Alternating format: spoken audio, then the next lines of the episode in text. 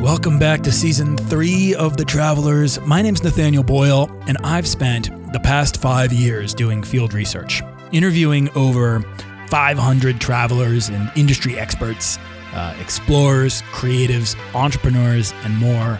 Uh, on season three, I'm sharing what I've discovered.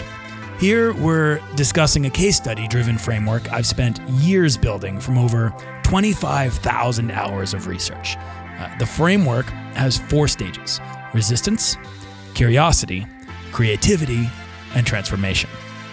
For each stage, there are three episodes, uh, including an introduction, a case study, and a wrap up designed to illuminate the framework step by step. So, if you're just jumping into the season, I'd like to encourage you to go back and, and listen to these episodes uh, in order so that you might get a fuller understanding of what it is we're talking about today. This is uh, part six in a 12 part season exploring the four stages of Holocene's transformative experience framework.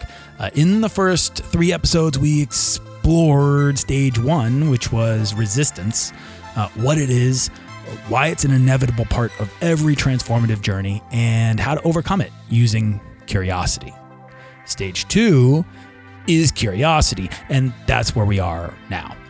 We've explored what curiosity is, how uh, it's not just a way of thinking, but a process we go through, and how following curiosity can lead you to more openness, which can lead to greater awareness, which leads to more questions, and so on and on. Today, I want to explore how you can be more intentional about using curiosity in your own life so that you can find the same experiences as every single one of the guests of this show have found for themselves, while also exploring the pitfalls of curiosity that are rarely discussed but can actually be quite dangerous. During this season, I've been exploring all of these concepts very abstractly, you might say. Uh, I have a tendency to do that. I hope they're making sense and maybe maybe even connecting for you um, somehow. so I just want to be sure that I'm I'm also breaking them down into very simple, practical terms because this is all very organized, uh, at least on my side. And sometimes audio can be a difficult medium to use to demonstrate uh, a complete roadmap. So here goes. The problem we're struggling with in life is meaninglessness. Here's why we are insatiable wanting machines. Okay? We're wired to seek more constantly, whether we're aware of our hunger or not. The scenario of wanting more it varies from person to person or situation to situation. Uh, we might want more fulfillment from work or more flavor in our food, or more money in our bank account, more spaciousness in our lives, uh, more of the experience of being more alive, more time, more feeling, more uh, satisfaction, more fulfillment, more. Sometimes we're acutely aware of this appetite. Sometimes it's unconscious and it's stirring deep within us. Sometimes we deny it and sometimes we acknowledge it. Wanderlust is one of these appetites that we've given a name to. In order to feed that hunger of wanderlust, we travel. But why then is that not enough? While we're traveling, we're satisfied. But when we get home, Still, yet again, we want more.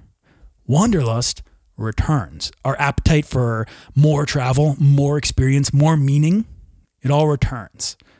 For all the talk about travel being so transformative, why does travel not inherently lead to fulfilling transformation? Sometimes it does, But think of your last travel experience. Where did you go? What did you do? How did it make you feel? Did you find something on the road you were looking for? Were you able to carry that home? Were you able to hold on to that? Were you able to perpetuate whatever that was? Maybe it was a thing, uh, a habit, a goal, um, inspiration, a sense of clarity of self. Did you slowly lose it? Did it really, truly transform you? Or was it just a memory? So often we travel to find some kind of meaningful experience, often that we can bring back. We used to travel, I think, to see things. You know, you'd go, you'd see it, boom, you were done. Then at some point, uh, we started wanting more and we started traveling to do things. So we wanted more experiential travel, is, is the industry term for that, actually. Um, you know, you wanted to actually go and uh, instead of just seeing something, you wanted to climb it, you wanted to experience it, you wanted to do it. You didn't want to just see the Great Wall of China, you wanted to hike 10 kilometers across it. Now, I think with more communication and less fear than ever, because we have a greater understanding of what is out there. We have more knowledge and sense of possibility of what's out there, what we can encounter. I think we travel now to make things. And that doesn't have to be something tangible. That doesn't have to be like we go and make, you know, we write a novel and, you know, rent the house to write a novel or we, we work on like a pottery set or we paint or we photograph. It doesn't have to be something tangible. That thing that we make, it might be ourselves. That thing might be to make meaning from our experiences so that we might bring meaningfulness back to our everyday lives. Because if the problem we're dealing with is meaninglessness, then the solution to this meaninglessness is signification. And that is what we're all searching for. Signification is something we can actively find if we just allow ourselves to awaken to the reality that it exists and to choose to go out and look for it. And it all starts with curiosity. Curiosity is both the faculty and the process by which we can find this meaning or signification, because that's what we are. We are creatures of signification. Question, depart, seek, find, return, and share. That's the process that drives us to create ourselves. In the last episode, we heard about um, how Candace Rose Rardon followed her curiosity into a life of adventure and creativity, which allowed her to perpetuate both her adventures and her creativity. And now she's a writer artist and a world traveler and a digital nomad living in Uruguay and recognized by brands and followers for who she's become. Another story I, I love to share as an example of this is the founders of I love craft beer, so of course I, I now have this like right off the top of my head. But the founders of New Belgium Brewing, um, who make Fat Tire Amber Ale, I don't know, you might be familiar with that beer. It's you can even get it on airplanes these days. Um, they are an enormously successful Belgian style brewery in Fort Collins, Colorado. The founders were a couple on a biking trip through Europe that stumbled on a beer bar in Bruges where they got talking to the owner who led them downstairs to the cellar where they found walls of ancient and rare dusty bottles of beer few people even knew existed. This encounter completely and utterly shattered their worldview from within. At a time when everyone was just drinking Miller Lite, who knew that beer could be so complex or historic or comprehensive and interesting, like almost is inter- maybe even more interesting than wine. I mean, here they were in a cellar of mystery. This uh, mystery, this uh, fascination, this obsession carried over with them. And it provided them with purpose or meaning, at least internally, within their interior experience. That's what they got from their external experience. When they got home, they picked up the pieces of themselves that had been shattered from the from, from that experience of being awestruck, and then they put them back together by starting New Belgium Brewing Company, which would go on to become one of the most successful breweries in the world. By choosing to pursue curiosity, they found signification that provided them with the inspiration to create meaning in their lives. It's funny how a trip like that, without purpose, can suddenly lead you to such a discovery, to layer your, your home life with uh, self iterating meaningfulness. This is the power of signification and why it matters. And if you course through every single episode of this podcast, you'll find example after example of how people have chosen to follow the path of, the path of curiosity to find profound clarity and inspiration, to find meaning and signification from their outward experiences, to better connect them to the world and themselves, and then channel this confidence and clarity into a new life a new identity and a profound transformation. It's the few who do not get lost that find their own way to personal transformation. And after interviewing hundreds of them, I've seen this path. I encourage you to go back and listen to the archives for this show to hear about curiosity in action and how it can lead you to find clarity uh, for yourself and meaning in your life so that you can bring that meaning back home with you. What you choose to do with that meaning, that's up to you. But I promise you that curiosity will lead you to find it. This show is the proof of that. And if you go back and listen to examples, they almost all share two things in common. First, the person chose to pursue their curiosity. Second, they not only found meaning in the form of inspiration, but a container to channel that meaning through themselves and into their everyday lives at home. And if you know how to do this, if you have a roadmap for transformative travel, then there's no limit to the potential you can find for yourself. Because as Daniel Noll from the amazing travel blog Uncornered Market said on episode 76, the authentic world is infinite. Okay, I'll let Daniel explain.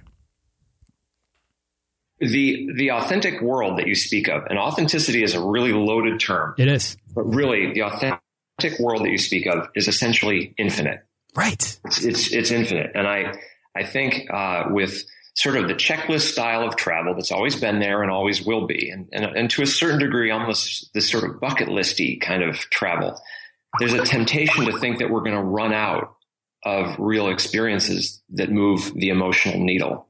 And the reality is it's just up to us to try because it's, they're always going to be there.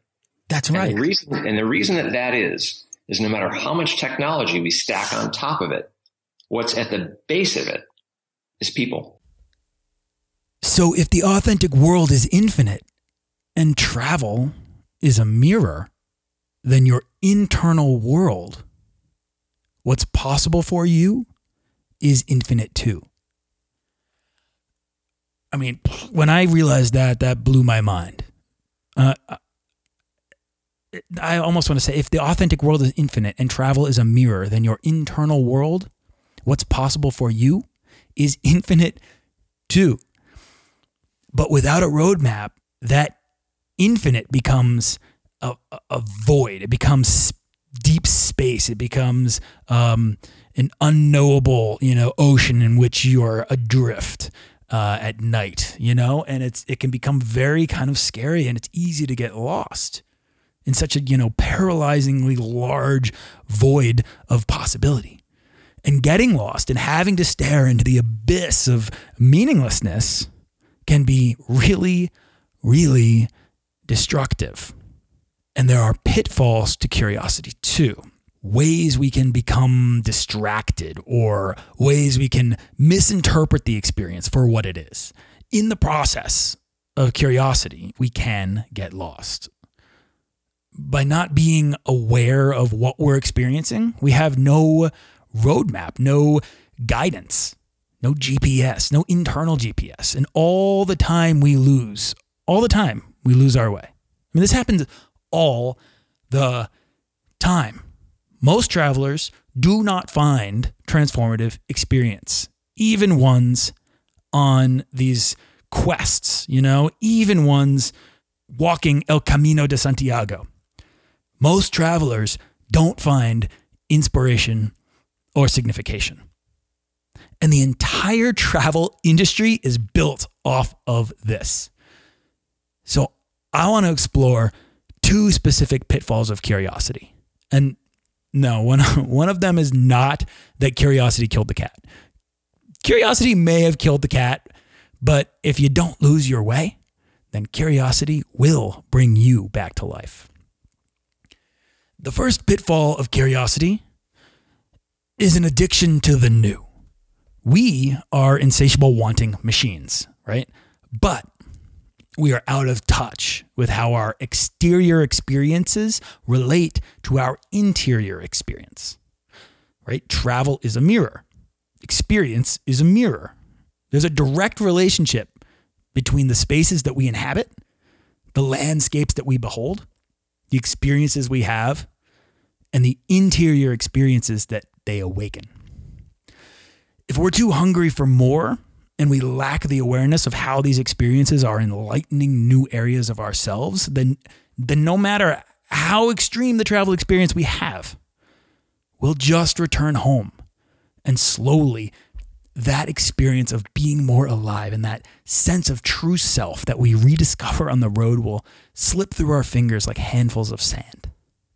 We'll return to our lives, to our realms of defined expectations, to our role in our life and the role in the lives of uh, uh, others expect us to embody, and inevitably we'll start feeling it all again.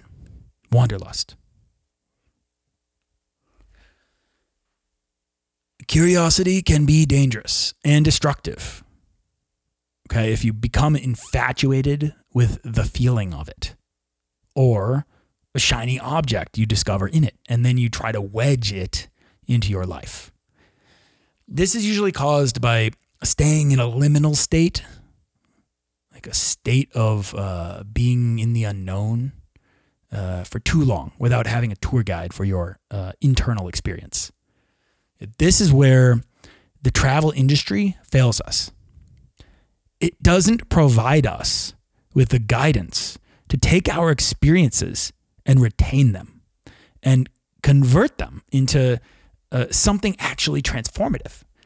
Instead, tour companies and cruise lines and other purveyors of travel just charge us thousands of dollars for a dopamine rush and send us on our way like drug dealers knowing we'll come crawling back for more. Because we are insatiable wanting machines and novelty is our drug. So it's easy to become addicted to the new. And this creates a problematic dissatisfaction with the familiar and with home. I know this is true. I personally know hundreds of people afflicted with this addiction to the new. I've experienced its negative effects myself, and they were incredibly damaging. However, I still say that this is a wonderful addiction because it is one that you can grow from. However, you need a guide or a mentor or someone to you know help you direct these creative energies and make sense of your interior experience. This is because there is an energy, and we're tapping into that energy, and it only exists outside of routine. This energy it lifts us up and it gives us the experience of being more alive. If you have traveled and if you felt more alive in that moment, then you know what this energy feels like. It's an internal energy. It's a it's a it's coming from, you know, your own internal chemistry. I don't mean energy in the woo-woo sense. I mean energy in the uh, physical sense. And there is a allegory to be made to energy in the woo-woo sense and experiencing the world. but I don't even we don't even need to make that connection because it, it's literally coursing through your veins.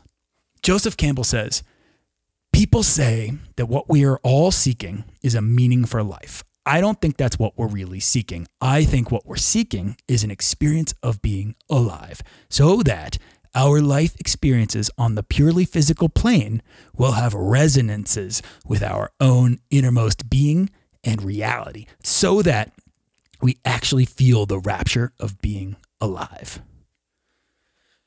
Curiosity is only the first leg of any transformative journey, but most people get stuck in this addiction to the new and never actually change.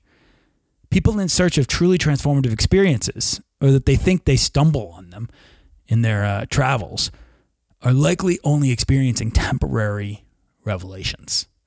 And these revelations always fade when you leave curiosity and return home. And you find yourself back in a place of resistance. And then you're up against that resistance. You're what you found, that that signification doesn't stand a chance against resistance unless you know what to do with it. Nobody really cares about these stories you've brought home because they don't conform to their expectations of who you are supposed to be. So you go back to being that person instead, and no transformation happens. I've seen this happen over and over and over. The second pitfall is uh, similar to the, the first one, um, and it's something called destination addiction. Okay. Destination addiction is the idea that if you're only ever worried about where you're heading, you'll never actually arrive. This term was coined by a British psychologist actually named Robert Holden in his 2011 book, Authentic Success, in which uh, he wrote, Beware of destination addiction, a preoccupation with the idea that happiness is in the next place, the next job, and with the next partner. Until you give up the idea that happiness is somewhere else, it will never be where you are. That's a pretty terrifying quote, if you ask me. And um, I wonder if it resonates with anyone listening. Because if you apply that to what we're talking about, then it suggests that curiosity can actually trigger a mindset that can be very destructive. And yes, that's so true in many, many ways. Curiosity, curiosity, it may have killed the cat, but not in the way you think. Curiosity is a, a transformative energy, and if you don't have a container for it, then things like destination addiction can quietly develop behind the scenes. Uh, wanderlust, it's you know, it seems harmless, like a natural human impulse to go and voyage, to go and you know seek. It seems harmless until you start tying your happiness to the need to travel, because it reinforces the insidious belief that happiness is somewhere else. And then when we begin to suffer, like we we begin and then we begin to suffer literally from the pursuit of happiness. How ironic is that? What a catch 22 you find yourself in. As Robert Holden writes, we are always on the run, on the move, and on the go. Our goal is not to enjoy the day, it is to get through the day. We have always to get to somewhere else first before we can relax and before we can savor the moment. But we never get there. There is no point of arrival. We are permanently dissatisfied. The feeling of success is continually deferred. We live in hot pursuit of extraordinary bliss we have no idea how to find. As much as travel can connect us to the present, it can also create an unhealthy fixation with the future. And so here are some of the uh, symptoms of destination addiction. Stop me if any of these uh, sound familiar. Actually, reach out to me if they do. Whatever you're doing, you're focused on what comes next. You can't afford to stop because you always have to be in the next place. You're always hurrying, even when it's not necessary. You always promise that, you know, next week, next month, year, you will be less busy. Your dream home is always the next home. You're stuck in your current job only because it will help you find your next job. You always think you should be further along than you are. You never fully commit to one thing in case something better comes along. And so you never actually go anywhere. We become stuck in a future that doesn't exist, where we imagine the life of our dreams is waiting for us. And in the meantime, the one life we're living passes us by. And this creates uh, a terrible situation for us in which we need change so badly, we're eventually forced to turn to upheaval of our lives. And for some people, this can be, you know, quitting your job to travel the world.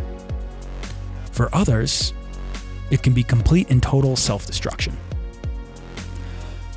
A lot of the violence, particularly the white male violence that we see in the news, a lot of it is caused by this despair. Curiosity, this this and it's all rooted really back in meaninglessness, right?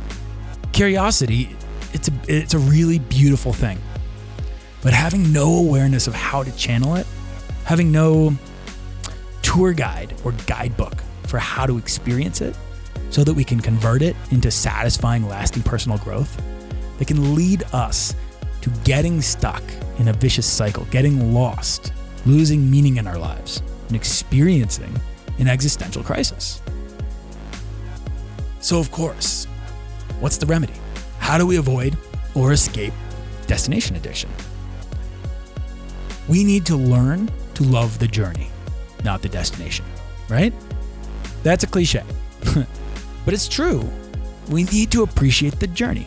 We need to let go of the final destination of happiness and instead treat our smallest goals, our smallest milestones, as rungs on a ladder to figuring out our dreams. And we need to experience the adventure for what it is the adventure of getting there for what it is, not where it's leading us. We need to embrace questions instead of answers. And we need to choose curiosity and we need a guide. For curious and creative people, this can really lead us to feeling lost. It's like we have all these big hopes and dreams and ideas, and we get lost in the, the process of starting them because we're all alone, because we don't have a guide, because we feel like we're just adrift in an enormous dark sea with no sight of land to provide us with a destination. And lost in childlike wonder, all you ever ask yourself is, Are we there yet? Are we there yet? Are we there yet? But as Thoreau wrote, you must live in the present. Launch yourself on every wave. Find your eternity in each moment. Fools stand on their island of opportunities and look toward another land. There is no other land. There is no other life but this. So, how do we do that? Now, the key is to ask questions. Question everything. Ask them repeatedly. Ask until you unwittingly connect yourself to a vastness. And then have a way to interpret this vastness into meaning, and meaning into uh, expression, and expression into transformation. Curiosity leads us to an ontological awareness, or an awareness of internal being. And ontological awareness relieves meaninglessness if you know how to listen to it and take action on it. Holocene is this guide. The answer lies in the next stage of the Holocene framework. The answer lies in creativity. And in the next episode, we're going to explore how that works. Thank you so much for listening. Stay curious.